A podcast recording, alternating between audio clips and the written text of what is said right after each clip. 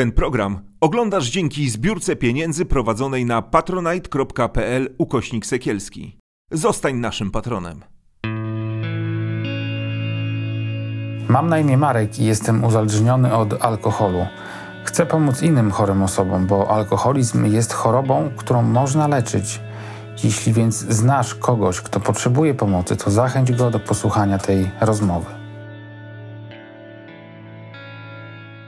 Dzień dobry, nazywam się Marek Sykielski. E, na początek przypomnę, że niedawno wydałem książkę. E, jest ok, to dlaczego nie chcę żyć. To są rozmowy o depresji. Napisałem ją wspólnie z Małgorzatą Serafin. W opisie odcinka będzie link do księgarni, więc można sobie zobaczyć o co chodzi z tą książką. Tu ją tak delikatnie ulokuję.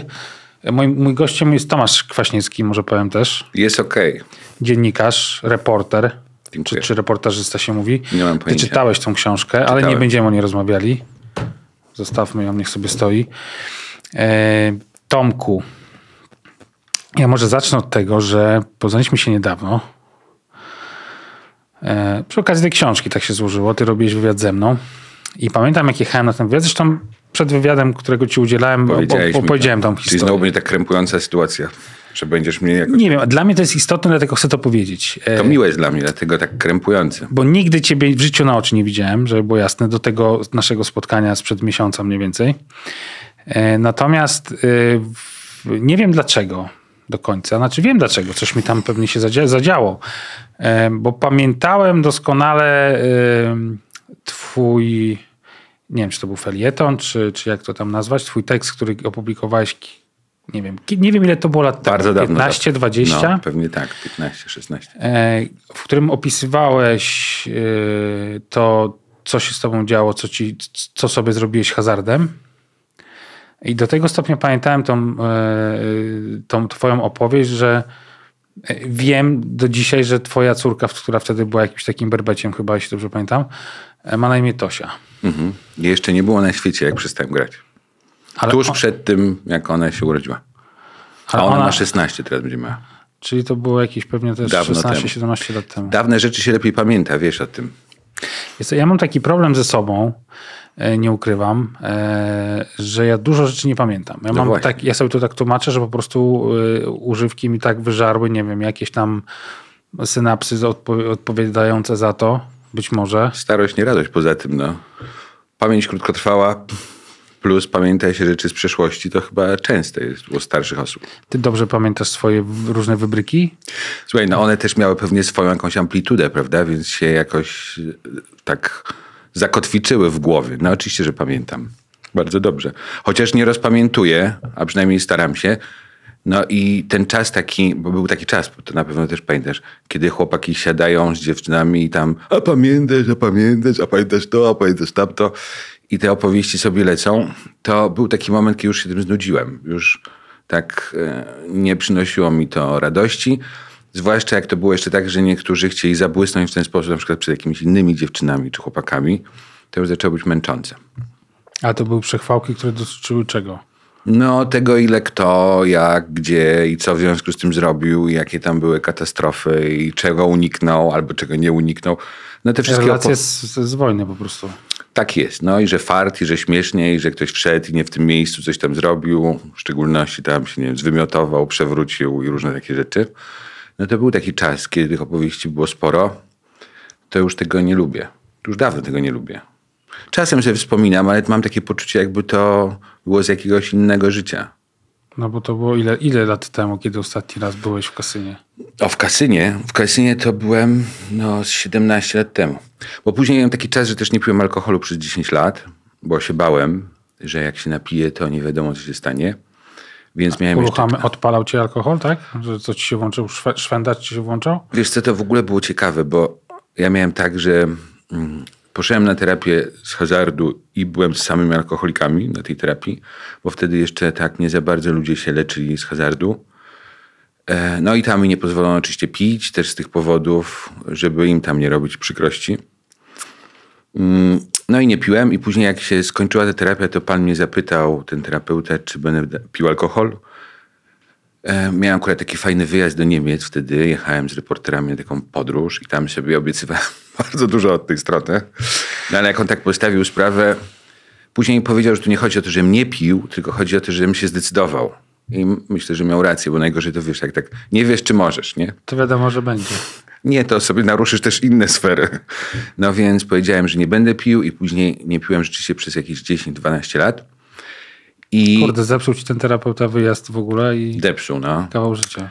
Zepsuł, ale tam podźwignąłem się z tego akurat. W każdym razie tam było śmiesznie później, że nie miałem tak, że chciało mi się grać. To było niesamowicie ciekawe. Tylko miałem ochotę na jakieś piwko albo coś takiego. Zresztą jakby ci przeszkadzało, że o tym mówię, też powiedz, tak? Bo nie chciałbym cię... No tam o piwku albo o czymś takim, bo nie chciałem cię A nie, no, rozkręcać o tym tutaj tutaj. rozmawiamy najczęściej. No, rozumiem. rozumiem. No w każdym razie e, miałem tak, że jak chciało mi się, chciało mi się alkoholu, wiesz? W ogóle nie miałem tak, że chciało mi się iść do kasyna, tylko miałem tam, że chciało mi się tego piwka. I pamiętam... Ale że to było po tych 10 latach? Tak? Nie, w trakcie. W trakcie. W trakcie. I, e, I to było niesamowite. I tak wyglądało, jakby tam, wiesz, coś próbowało mnie rozmiękczyć. Czyli na początku tam się napij, bo możesz w sumie, a później się zobaczy. no ale byłem dosyć twardy i nie chciałem. No aż pewnego dnia powiedziałem sobie, że czemu nie i to było w ogóle też śmieszne, bo to jest śmieszne. Pojechaliśmy, już dzieci miały tak, no już to się musiała mieć ze 13 lat, bo już e, zaczął być taki wątek, że, a może nawet jeszcze wcześniej, że w każdym razie, że mogłaby już napić się wina. No i pojechaliśmy do Słowenii i akurat tak się złożyło, że pierwszy nocek mieliśmy w winnicy. I ja już się wcześniej umówiłem z żonką, że jak tam będziemy, to ja się wreszcie tego wina napiję.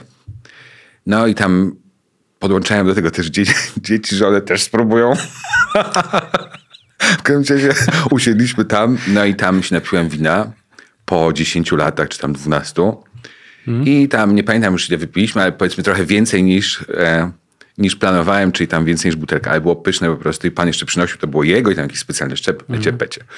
No w razie upiłem się i upiłem się tak, tak jak kiedyś w ogóle, jak byłem mały, tak na, na, Świeżaka. na radośnie, no po prostu takim, wiesz, takim naprawdę zdumieniem, że tutaj przychodzą te żarty do głowy, że się trochę kiwasz i tak dalej. I to było bardzo fajne. No i od tamtej pory już piję alkohol. Wiesz, okej. I nie, nie, nie ma, że jak, jak się napijesz alkohol, to ci się włącza myślenie, że Wiesz co, ja mam w ogóle poszedł. tak... Dzisiaj to w ogóle łatwiej w hazard, bo też 17 lat temu to chyba takie online'owe zabawy hazard, znaczy Już zabawy były. Takie, były? Już, już były. Ale to było raczkujące jeszcze. Tak, ale one były wtedy też takie zupełnie nieosłonięte w tym sensie, że jakby nie wszyscy je wrzucali do tego gara. W każdym razie mm, z alkoholem mam teraz tak, że w zasadzie teraz już nie piję znowu, ale już nie z takiego powodu, że, że tam nie mogę czy coś, tylko po prostu jakoś specjalnie mnie nie kręci. Źle się później czuję. Tak. Kiedyś uwielbiałem kace, a teraz mnie męczą po prostu. Starość, nie radość. No, dokładnie. dokładnie. No i, e, a z hazardem, słuchaj, mam tak, bo nie jestem, bo to też warto, żeby powiedzieć. Jest bardzo dobrze, ale nie, ja nie jestem święty. W tym sensie, że jak e, byłem na tej terapii i później przez te 10 powiedzmy lat, to rzeczywiście byłem dość restrykcyjny, a nawet bardzo restrykcyjny. W sensie, że rzeczywiście jakby nie grałem w nic i mówiłem, że się nie mogę zakładać, wiesz, takie różne rzeczy, co było ekstra w sumie, bo nie mogłem brać też udziału specjalnie w różnych wyścigach. To było, czytałeś Wiedźmina, czy nie? Tak. No i tam jest takie coś, że on jak się musisz czegoś wymówić, to mówi o Wiedźmińskim kod- kodeksie, który nie istnieje, ale jest wymówką. Ja też mówiłem, że ja nie mogę tam czegoś zrobić, bo jestem uzależniony od hazardu i nie mogę rywalizować. Nie mogę czegoś robić, co tam nie mogę. Muszę się wysypiać, to używałem tego. No ale. Ale to nie są wymówki, to jest prawda. No. To jest Chyba prawda. czasem się nawet tak y, y, y, mówi osobom, które są gdzieś być może na początku bardziej leczenia, żeby też na przykład nie grały w gry planszowe, nie? bo to też może spowodować właśnie. ta rywalizacja, która się I to, odbywa. I to robiłem. Czasem może właśnie jak Wiedźmin, naginając, wiesz, różne rzeczy. Tu zresztą w ogóle jest śmieszna rzecz, bo jak jakiś pasjansik tam wleciał. Tak? Nie no, to jakby naginałem w ten sposób, że mówiłem ludziom, że czegoś nie mogę, bo... Natomiast pasjansik owszem wleciał i grałem w takie, wiesz, w telefonie grałem, w szachy grałem, wiesz, w takie różne rzeczy. Czasami rzeczywiście popadając w takie... E, że to długo zajmowało mi dużo czasu. Nigdy nie grałem na pieniądze od tamtej pory, ale rzeczywiście wiele czasu straciłem na różnego rodzaju takie aktywności. Ja sobie to tłumaczę, że ja potrzebuję się, wiesz, odstresować. Jak żona mi mówi, że gram znowu w szachy, to ja jej mówię, że ona tam siedzi na tym Facebooku i to na w sumie na jedno wychodzi, prawda? Czyli ona po tylu latach jeszcze na ciebie krzywo patrzy, jak sobie wyciągasz tam piony. No wiesz, no, cza, czasami to może być niepokojące, prawda? A poza tym to kradnie czas tak najzwyczajniej. Mógłbym w tym czasie, wiesz, jestem zmęczonym człowiekiem, mógłbym położyć się spać zamiast napieprzać w szachy na telefonie. Ale tu jest śmieszna anegdota. Jak byłem na tej, na tej terapii, to mieliśmy raz w miesiącu taki wyjazd na trzy dni do takiego miejsca ustronnego i tam nam prali mózgi, wiesz, tak e, w odosobnieniu. I mieszkałem z kolegą alkoholikiem w pokoju i mieliśmy szachy. Wziąłem sza- szachy. Ten terapeuta, terapeuta nam nie pozwalał, bo w końcu byłem uzależniony od hazardu, ale, ale mieliśmy te szachy. I w tych przerwach, co tam wiesz, są przeznaczone na takie dumanie i tam roztrząsanie tych różnych rzeczy w sobie, pykaliśmy w te szachy. Jestem dobry w szachy. Nie bardzo dobry, ale wystarczająco dobry. I go ciągle ogrywałem, w związku z tym był bardzo przygnębiony w czasie tych kolejnych sesji. To było strasznie A to śmieszne. dla ciebie też bezpieczniejsze, bo nie musiałeś walczyć, że się musisz odegrać, że przegrałeś. Nie, akurat coś. w szachy tak nie miałem, bo ja No zawsze lecie. grałem z ojcem i przegrywałem, wiesz, byłem od małego nauczony, że jeżeli chodzi o szachy, to wszelkie ambicje mam jakby, wiesz, e, znacznie niżej. No bo graliśmy w szachy od małego, a zresztą też na pieniądze w pewnym momencie i na czas, nie? Więc e, tato mi zaszczepił takiego bakcyla hazardowego. Do tego stopnia, że później mi się wydawało, że wszelkie aktywności, wiesz, bez stawki są takie nudne, no. No bo co tam, możesz sobie grać właśnie w karty, w szachy i to jest taka rozrywka, a jeszcze w szachy, wiesz, jak nie masz tego zegara, to, to możesz cały dzień po prostu nad jedną partią, prawda? Zwłaszcza jak trafisz takiego ambitniejszego gracza. A jak masz forsę na stole, no to przynajmniej coś się dodatkowo dzieje, nie? W ramach tego wszystkiego, więc to było takie dość rozsądne podejście, wydaje mi się, do dzisiaj. A gry telewizyjne ci na przykład pochłonęły, czy nie? Też mnie pochłaniały, ale nie miałem, wcze- wcześniej to miałem, wiesz, nasze dzieciństwo było takie... Jeść dla córki konsolę, czy nie? Jak, była, Nie. jak się urodziła? Nie, nie, bo ja ja już- tak zrobiłem. Bo ja już wtedy miałem tą przestrzeń, wie, ja już miałem taką przestrzeń wtedy, że nie gram. Wtedy tak miałem 10 lat takiego świętości, więc, więc nie. Ale słuchaj, my mieliśmy takie szczęście, nie wiem, czy pamiętasz, na pewno pamiętasz, jak były te pierwsze komputery, tam Atari, Commodore i tak dalej, to one miały taki, można powiedzieć, wbudowany taki antyuzależnieniowy filtr, który polegał na czymś takim, że musiałeś wprowadzić tą grę, ona tam się wprowadzała odpowiednio długo i nie zawsze skutecznie. A, to ja pamiętam, nie, to była cała historia, przecież był magnetofon, Dokładnie.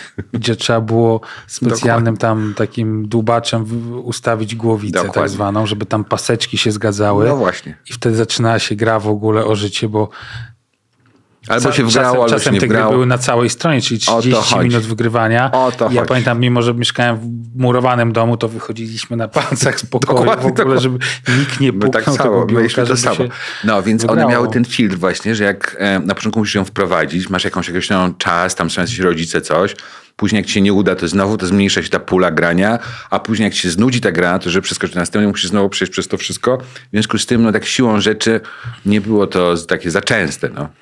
Więc to było, tak, to był taki filtr antyuzależnieniowy, myślę. A jak było z narkotykami, powiedz?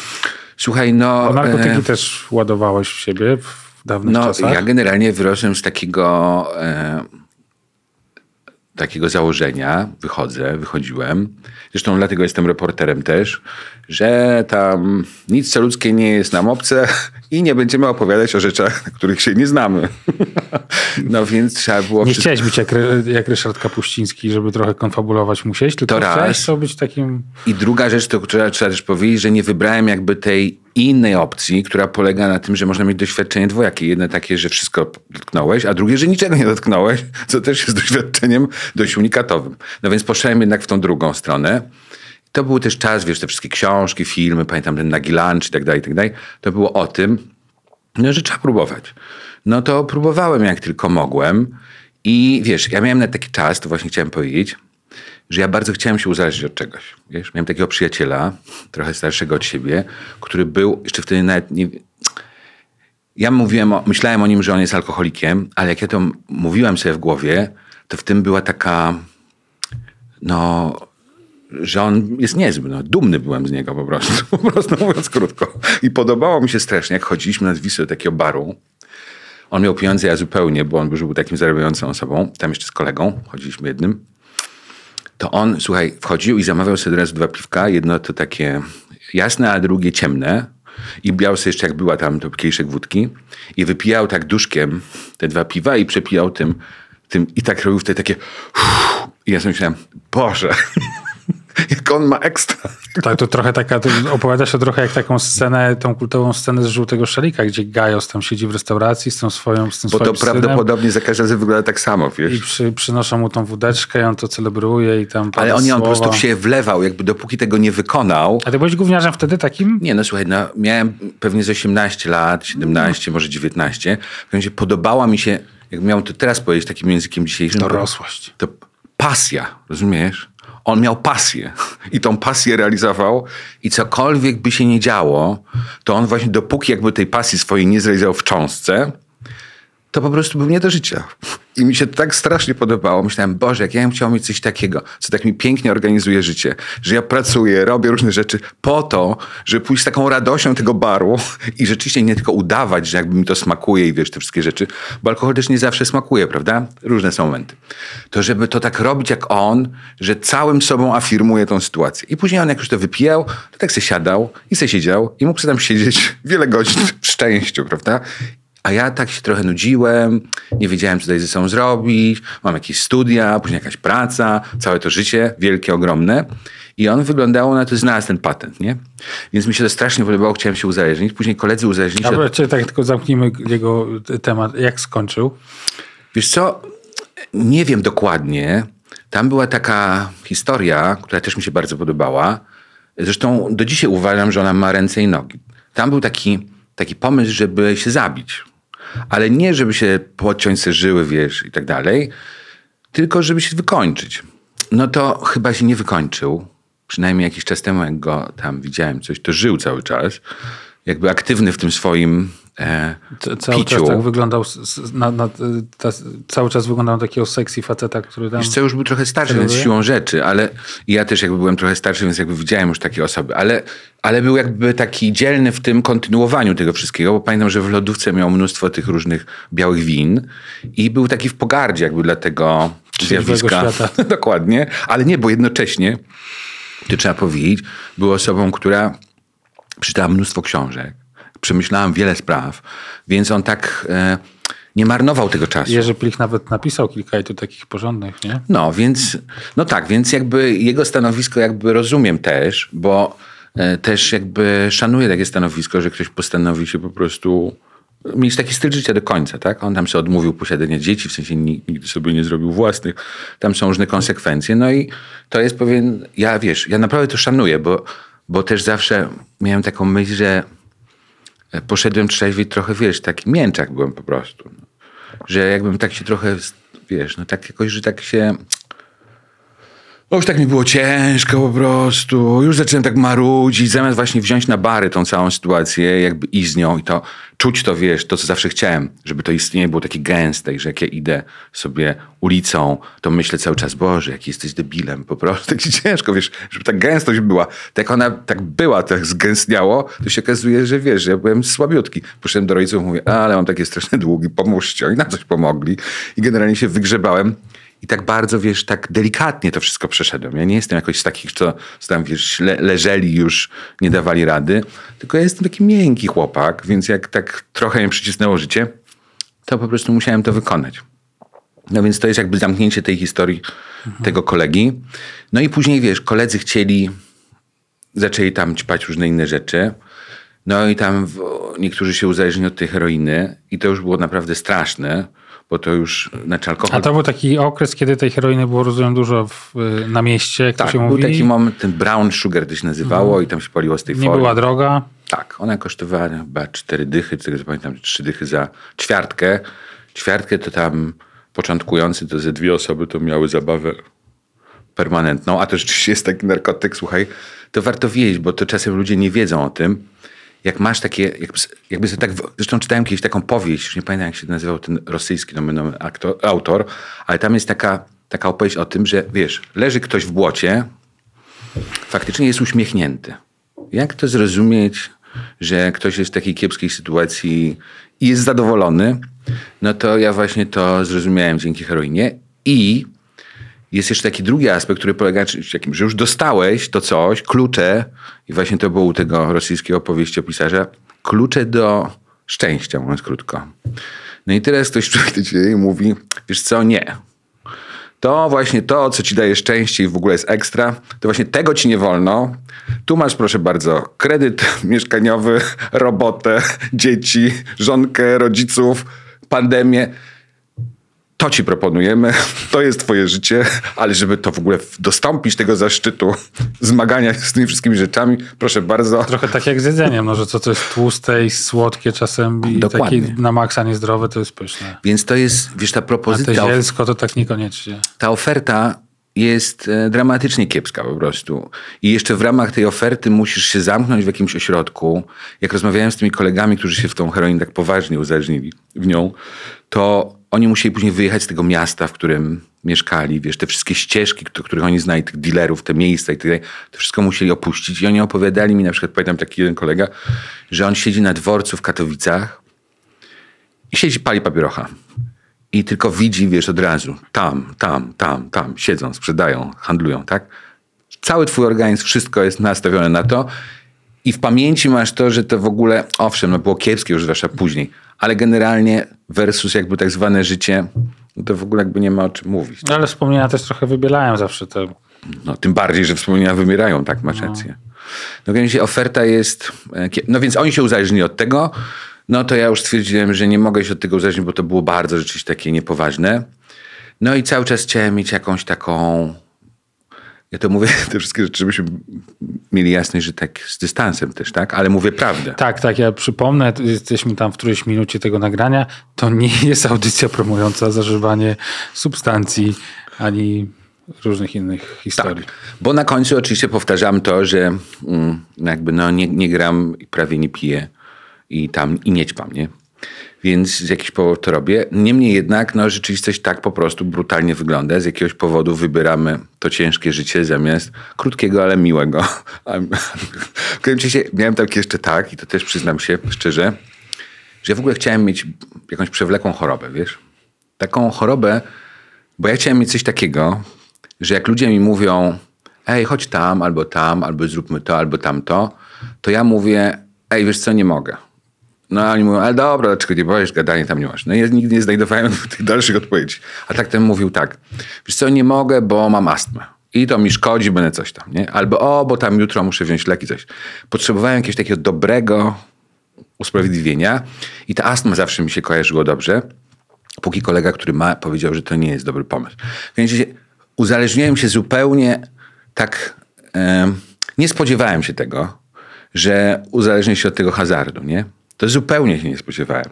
I mia, miałem nawet taki śmieszny moment, kiedy pomyślałem sobie, że sam będę się, wiesz, rzucał to, nie? Że już to za dużo tych uzależnień w moim życiu, te papierosy, ten alkohol, te wszystkie rzeczy i ten hazard, to już po prostu nikt tego nie da rady. Więc wymyśliłem sobie tak, że na początku powiedziałem, rzucę fajki, nie?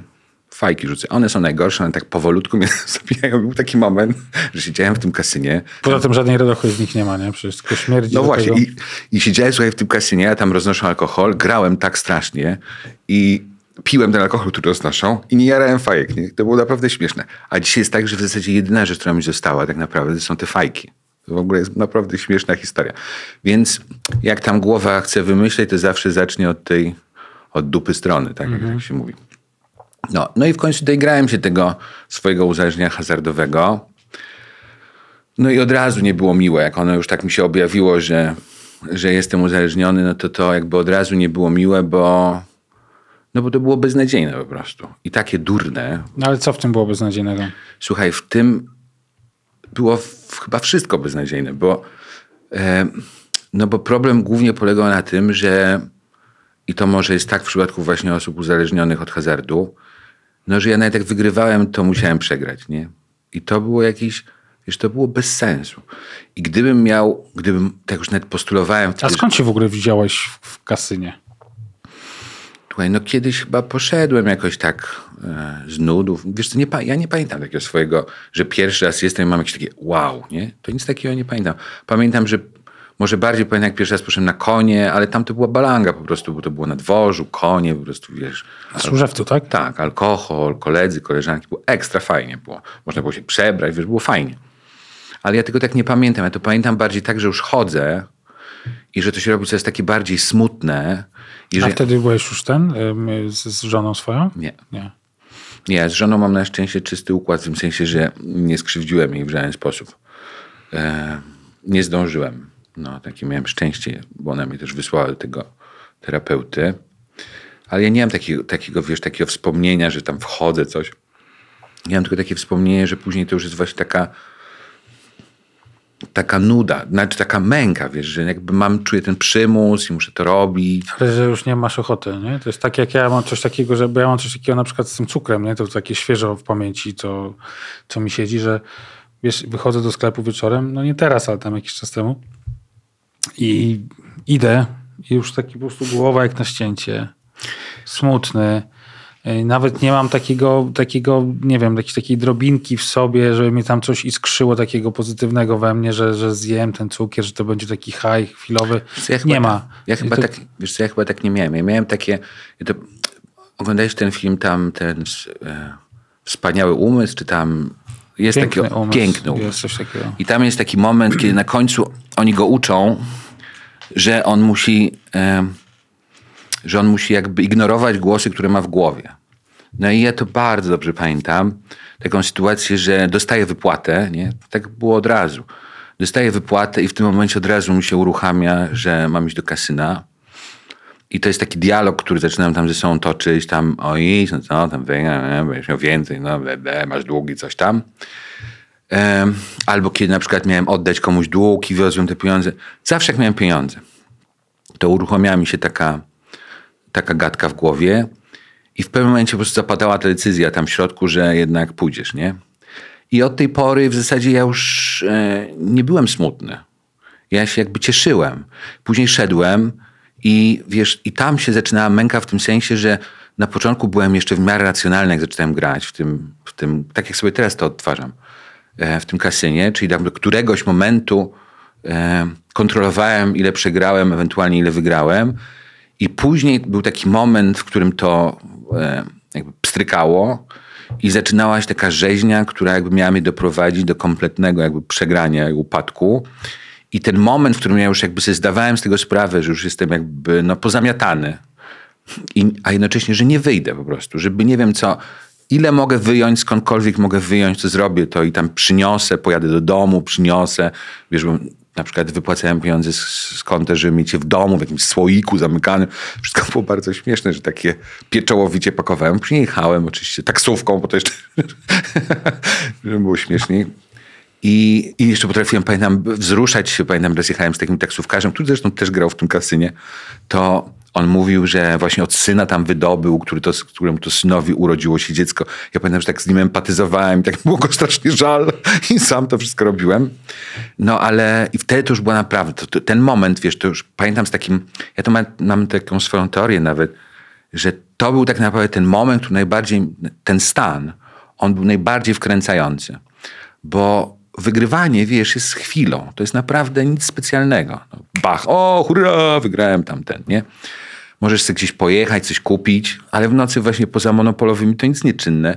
Więc jakby były takie sklepy, wiesz, dla hazardzistów, że tam zegarek sobie możesz kupić trzykrotnie drożej. To ludzie by, sztukę, nie? To ludzie by lokowali, tam przyjeżdżali w ostatniej chwili, żeby coś ulokować sobie w tym. A później sprzedawaliby za chwilę trzy razy taniej. tak. Dokładnie. To w ogóle jest biznes, biznes rewelacyjny. No więc nie było takich, nawet takich rzeczy nie było. Więc no, ten stan, wiesz, przegrywania, który jest takim stanem dosyć długim, no bo trochę masz szczęście, trochę nie masz, tam coś kombinujesz, nie kombinujesz, gdzieś na końcu jednak liczysz na jakąś odegranie się, ale nie ma takiej kwoty, rozumiesz, która by cię satysfakcjonowała, że już. Więc siedzisz, aż się dorżniesz i coraz bardziej czujesz w brzuchu, w nogach, w tyłku po prostu, wszędzie taki przejmujący jakiś rodzaj bólu, przechodzący w jakiś coś, co jest bliskie rozkoszy, coś takiego. I to jest naprawdę ekscytujące. To jest, to jest naprawdę wkręcające chyba, no bo poza tym to nie za bardzo jest coś wkręcającego, bo wiesz, jak sobie to wiele razy wizualizowałem, to tak na dobry sposób, tak na, wiesz, na, na, tak na zdrowy rozsądek sytuacja wygląda tak, że stajesz, że jakieś koledzy próbowałem opisać, e, czym, czemu poświęciłem tak dużo czasu i co mnie tak wkręciło, że zabawa polega na czymś takim, że stajesz koło niszczarki, wyciągasz z kieszeni stówki, je tak zwijasz i wrzucasz do tej niszczarki. Jak nie trafisz, to podchodzisz, zbierasz i znowu, i znowu wrzucasz, aż wrzucisz wszystkie, które masz w portfelu, po czym idziesz do domu, czekasz na następny dzień, żeby móc pożyczyć od kogoś pieniądze, komuś zabrać, nie jakoś się wymyśleć, żeby znowu przyjść do tej niszczarki i nawrzucać te pieniądze. Tak jakby sens tego działania jest mniej więcej taki, nie? Ale robisz to.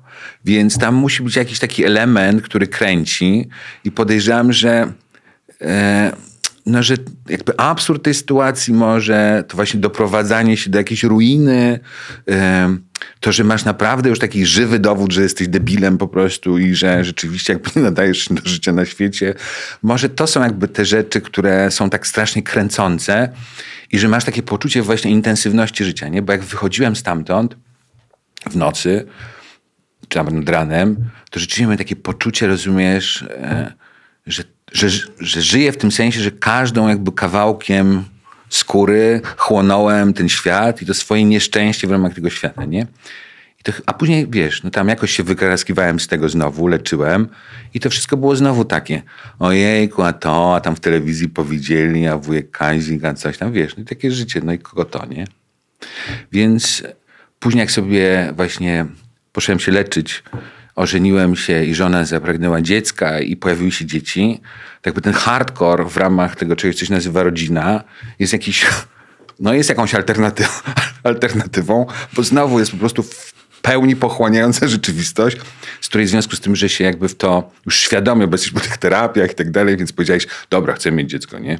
No to jak już się w to wpakowałeś, no to masz centralnie przerąbane, ale nie możesz się wymiksować teraz już, nie? No i to może jest jakiś ekwiwalent i z tego, co zauważyłem, wiele osób, którzy, które kiedyś ćpało tam chlało, przeflancowało się później na wybitnych ojców, czy tam matki, albo jakichś działaczy społecznych, no jakby realizuje się w podobny sposób, tylko w takim innym potrzasku, no, w którym już jakby ta wolność, z tą wolnością też jest podobnie. Znaczy ja się... taką frazę słyszałem, że każdy mo może wybrać swoje przejebane. No, Coś takiego. więc ja się jakiejś nie wybrałem, a później w zasadzie chyba też sobie nie wybrałem, bo słuchaj, życie jest, umówmy się, i to jest taka opowieść, która jest jakby pomijana we współczesnym świecie, no jest naprawdę trudne i ciężkie. I tam ta fraza i żyj długo i szczęśliwie jest zawsze na końcu i jest nierozwijana z tego prostego powodu, że później nie wiadomo, co jest, nie? Znaczy, co to znaczy żyj długo i szczęśliwie? Nikt tego naprawdę nie wie. A ci, co żyją długo i szczęśliwie, tak wiesz, wydawałoby się. Mogą kłamać. Nie, bo jak ich poprosisz o odpowiedź, to dostajesz całą masę właśnie trudu, tak? Po prostu trudu strasznego. Wiesz, tam to się sprowadza później tego, no, że i tak, żeby inni przez ciebie nie płakali, no, że i, tak, że i tak, żebyś mógł sobie spojrzeć w lustro, wiesz, jakieś, jakieś takie hece. Rozumiem Bartoszewski i warto być przyzwoitym, że ciebie nie przemawia tak do końca. No wiesz, no, warto, tak? No, ale wiesz, no, jakbyś mu zaoferował na początku jego życiorys w ramach tego ten Auschwitz, te różne rzeczy i później mu powiedzieć, no wiesz, i tam trzymaj się, stary, warto być. Dobrze będzie, dobrze wyjdzie z tego. Przyzwoitym. Wyjdzie z tego. Nie no, właśnie nie powiedziałbyś, czy wyjdzie, tylko pamiętaj, stary, że warto być przyzwoitym i to cię niech niesie przez całe życie. no to nie wiadomo, czy by, wiesz, jakby miał do, do wyboru, czy by jednak tak ten bilet sobie wcześniej go nie skasował. No i tak to w skrócie wygląda. Trochę kombatantów takich jest, takich uzależnieniowych kombatantów, którzy tak, tak mówią, no, że dzięki tym swoim uzależnieniom, czy to będą takie, czy siakie, czy owakie, że oni są w sumie wdzięczni, e, bo dzięki temu e, załóżmy w procesach terapeutycznych dowiedzieli się czegoś o, o sobie. No to prawda. No. Bo to tak słuchaj, myślisz trochę też o tym? Znaczy ja nie mam wątpliwości, że tak jest, bo znaczy na końcu nie masz jakby... Ja tak się ruszam, przepraszam, bo jest, mam zakwasy straszne. Nie, nie szkodzi, słuchaj. Uczucie wdzięczności uważam jest bardzo ważnym, pomijanym e, na różne sposoby uczuciem. Zawsze lepiej mieć wdzięczność niż się na kogoś złościć. No i ja też wychodzę z takiego założenia, że wiesz, powiedzieliśmy sobie, jakie są zasady, jakie są, jakby jaka jest rama. Rama jest taka, że nie mam wyjścia. E, mam zobowiązania rodzinne mm, I też wiesz, oczywiście kocham tych moich bliskich, żeby było jasne. No ale na koniec, jakkolwiek bym się odcinał od różnych rzeczy, no nie mogę się zabić, mówiąc krótko. Jest okay i nie mogę, nie mogę się zabić, no. w każdym razie... W razie I to jest jakby ta rama, w której siedzę. No i teraz, no co mogę w ramach tej ramy zrobić? No to jakoś sobie to życie osłodzić. No i jednym z takich osładzaczy jest to, że mogę jakby uczyć się różnych rzeczy o sobie, polepszać sobie jakiś ten komfort, no czyli zamiast ciągle walić tą głową w tę, tą ścianę, jednak tam stwierdzić, o, a może mogę obok przejść, nie? I tak dalej. Więc no, jest tak, że rzeczywiście jakby nie mogąc robić pewnych rzeczy, uczę się jakichś innych rzeczy, uczę się o sobie. No nie jestem nastukany, więc mam też czas na to, żeby się uczyć. No i to są jakby te korzyści, które oczywiście są. I, i na pewno wiele osób, które odstawiło picie tam chlanie i tak dalej, no wiele się dowiedziało i pewnie ich jakość życia i ich jakby stosunek do bliźnich na pewno jest fajniejszy niż był kiedyś, choć nie wiadomo, bo oczywiście też mogę sobie wyobrazić takich, którzy właśnie zgorzknieli i dopiero stali się ciężcy po prostu dla otoczenia. No ale generalnie tak, no uczysz się, no. Przez całe życie, a tu dostajesz taki boost w postaci tego, że jeżeli mam nie pójść do knajpy, czy tam ja do kasyna i nie przegrać całego majątku mojej rodziny, no to się muszę nauczyć, co zrobić, żeby do niego nie pójść. No, a jak żeby nie pójść, no to muszę zrobić tamto i siamto.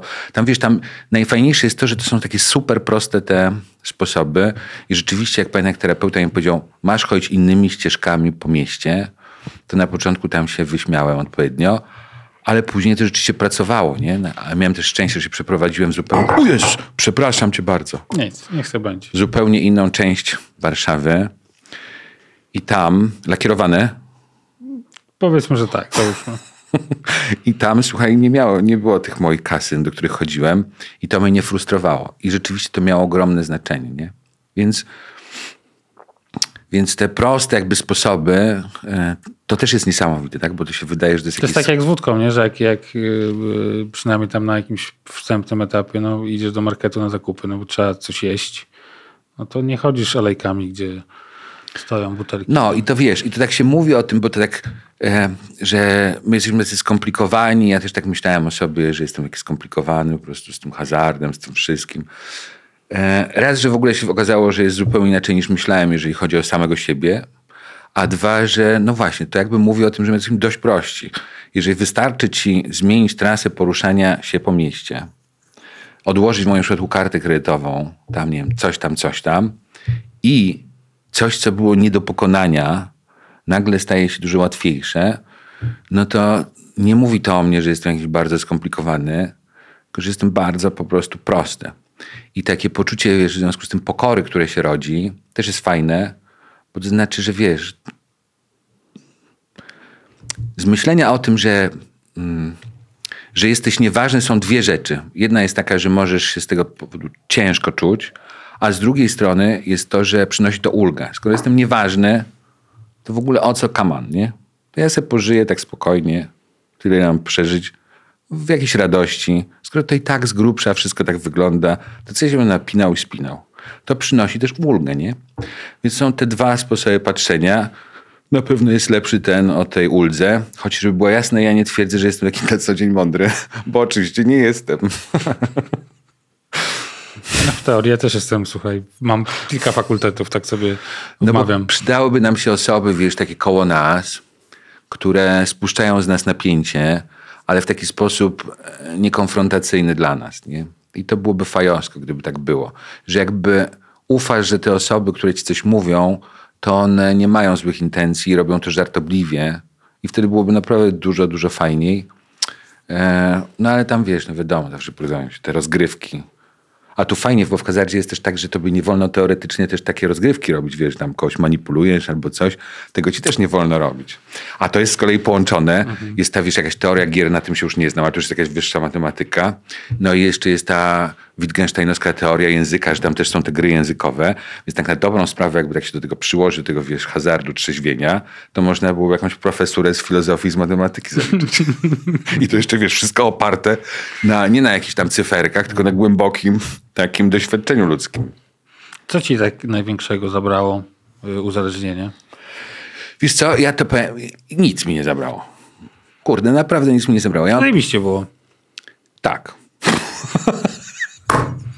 Ale słuchaj, ja, ja ci powiem tak. No tak, ale to, ja mam takie momenty, że myślę tak. Miałem takie momenty, bo już sobie to opowiedziałem. Takie momenty, że myślałem, Boże, Jezu, Kwaśniewski, jakbyś nie przegrał tyle tej forcy. I żeby było jasne, to nie było tak, że przegrałem jakoś strasznie dużo, ale przegrałem wszystko, co miałem i co mogłem pożyczyć od kogokolwiek, nie? Więc myślałem sobie tak, kurde, jakbyś nie przegrał czasem, to byś nie miał na przykład tego kredytu we frankach, no to mieszkanie, nie? Miałbyś. Miałbyś jakieś mieszkanie. No co, jakbyś miał w złotówkach, to byś dopiero płakał. Ale nie miałbym, bo był taki moment, kiedy mieszkania w Warszawie były, wiesz, po, A, w ogóle byś nie miał kredytu. po dwa tysiące i wtedy dostałem ileś tych pieniędzy tam skądś i miałem, mogłem sobie kupić chatkę i miałbym ją po prostu. No ale później sobie nie miałbym jej, bo bym ją przegrał, nie? Więc nie miałbym.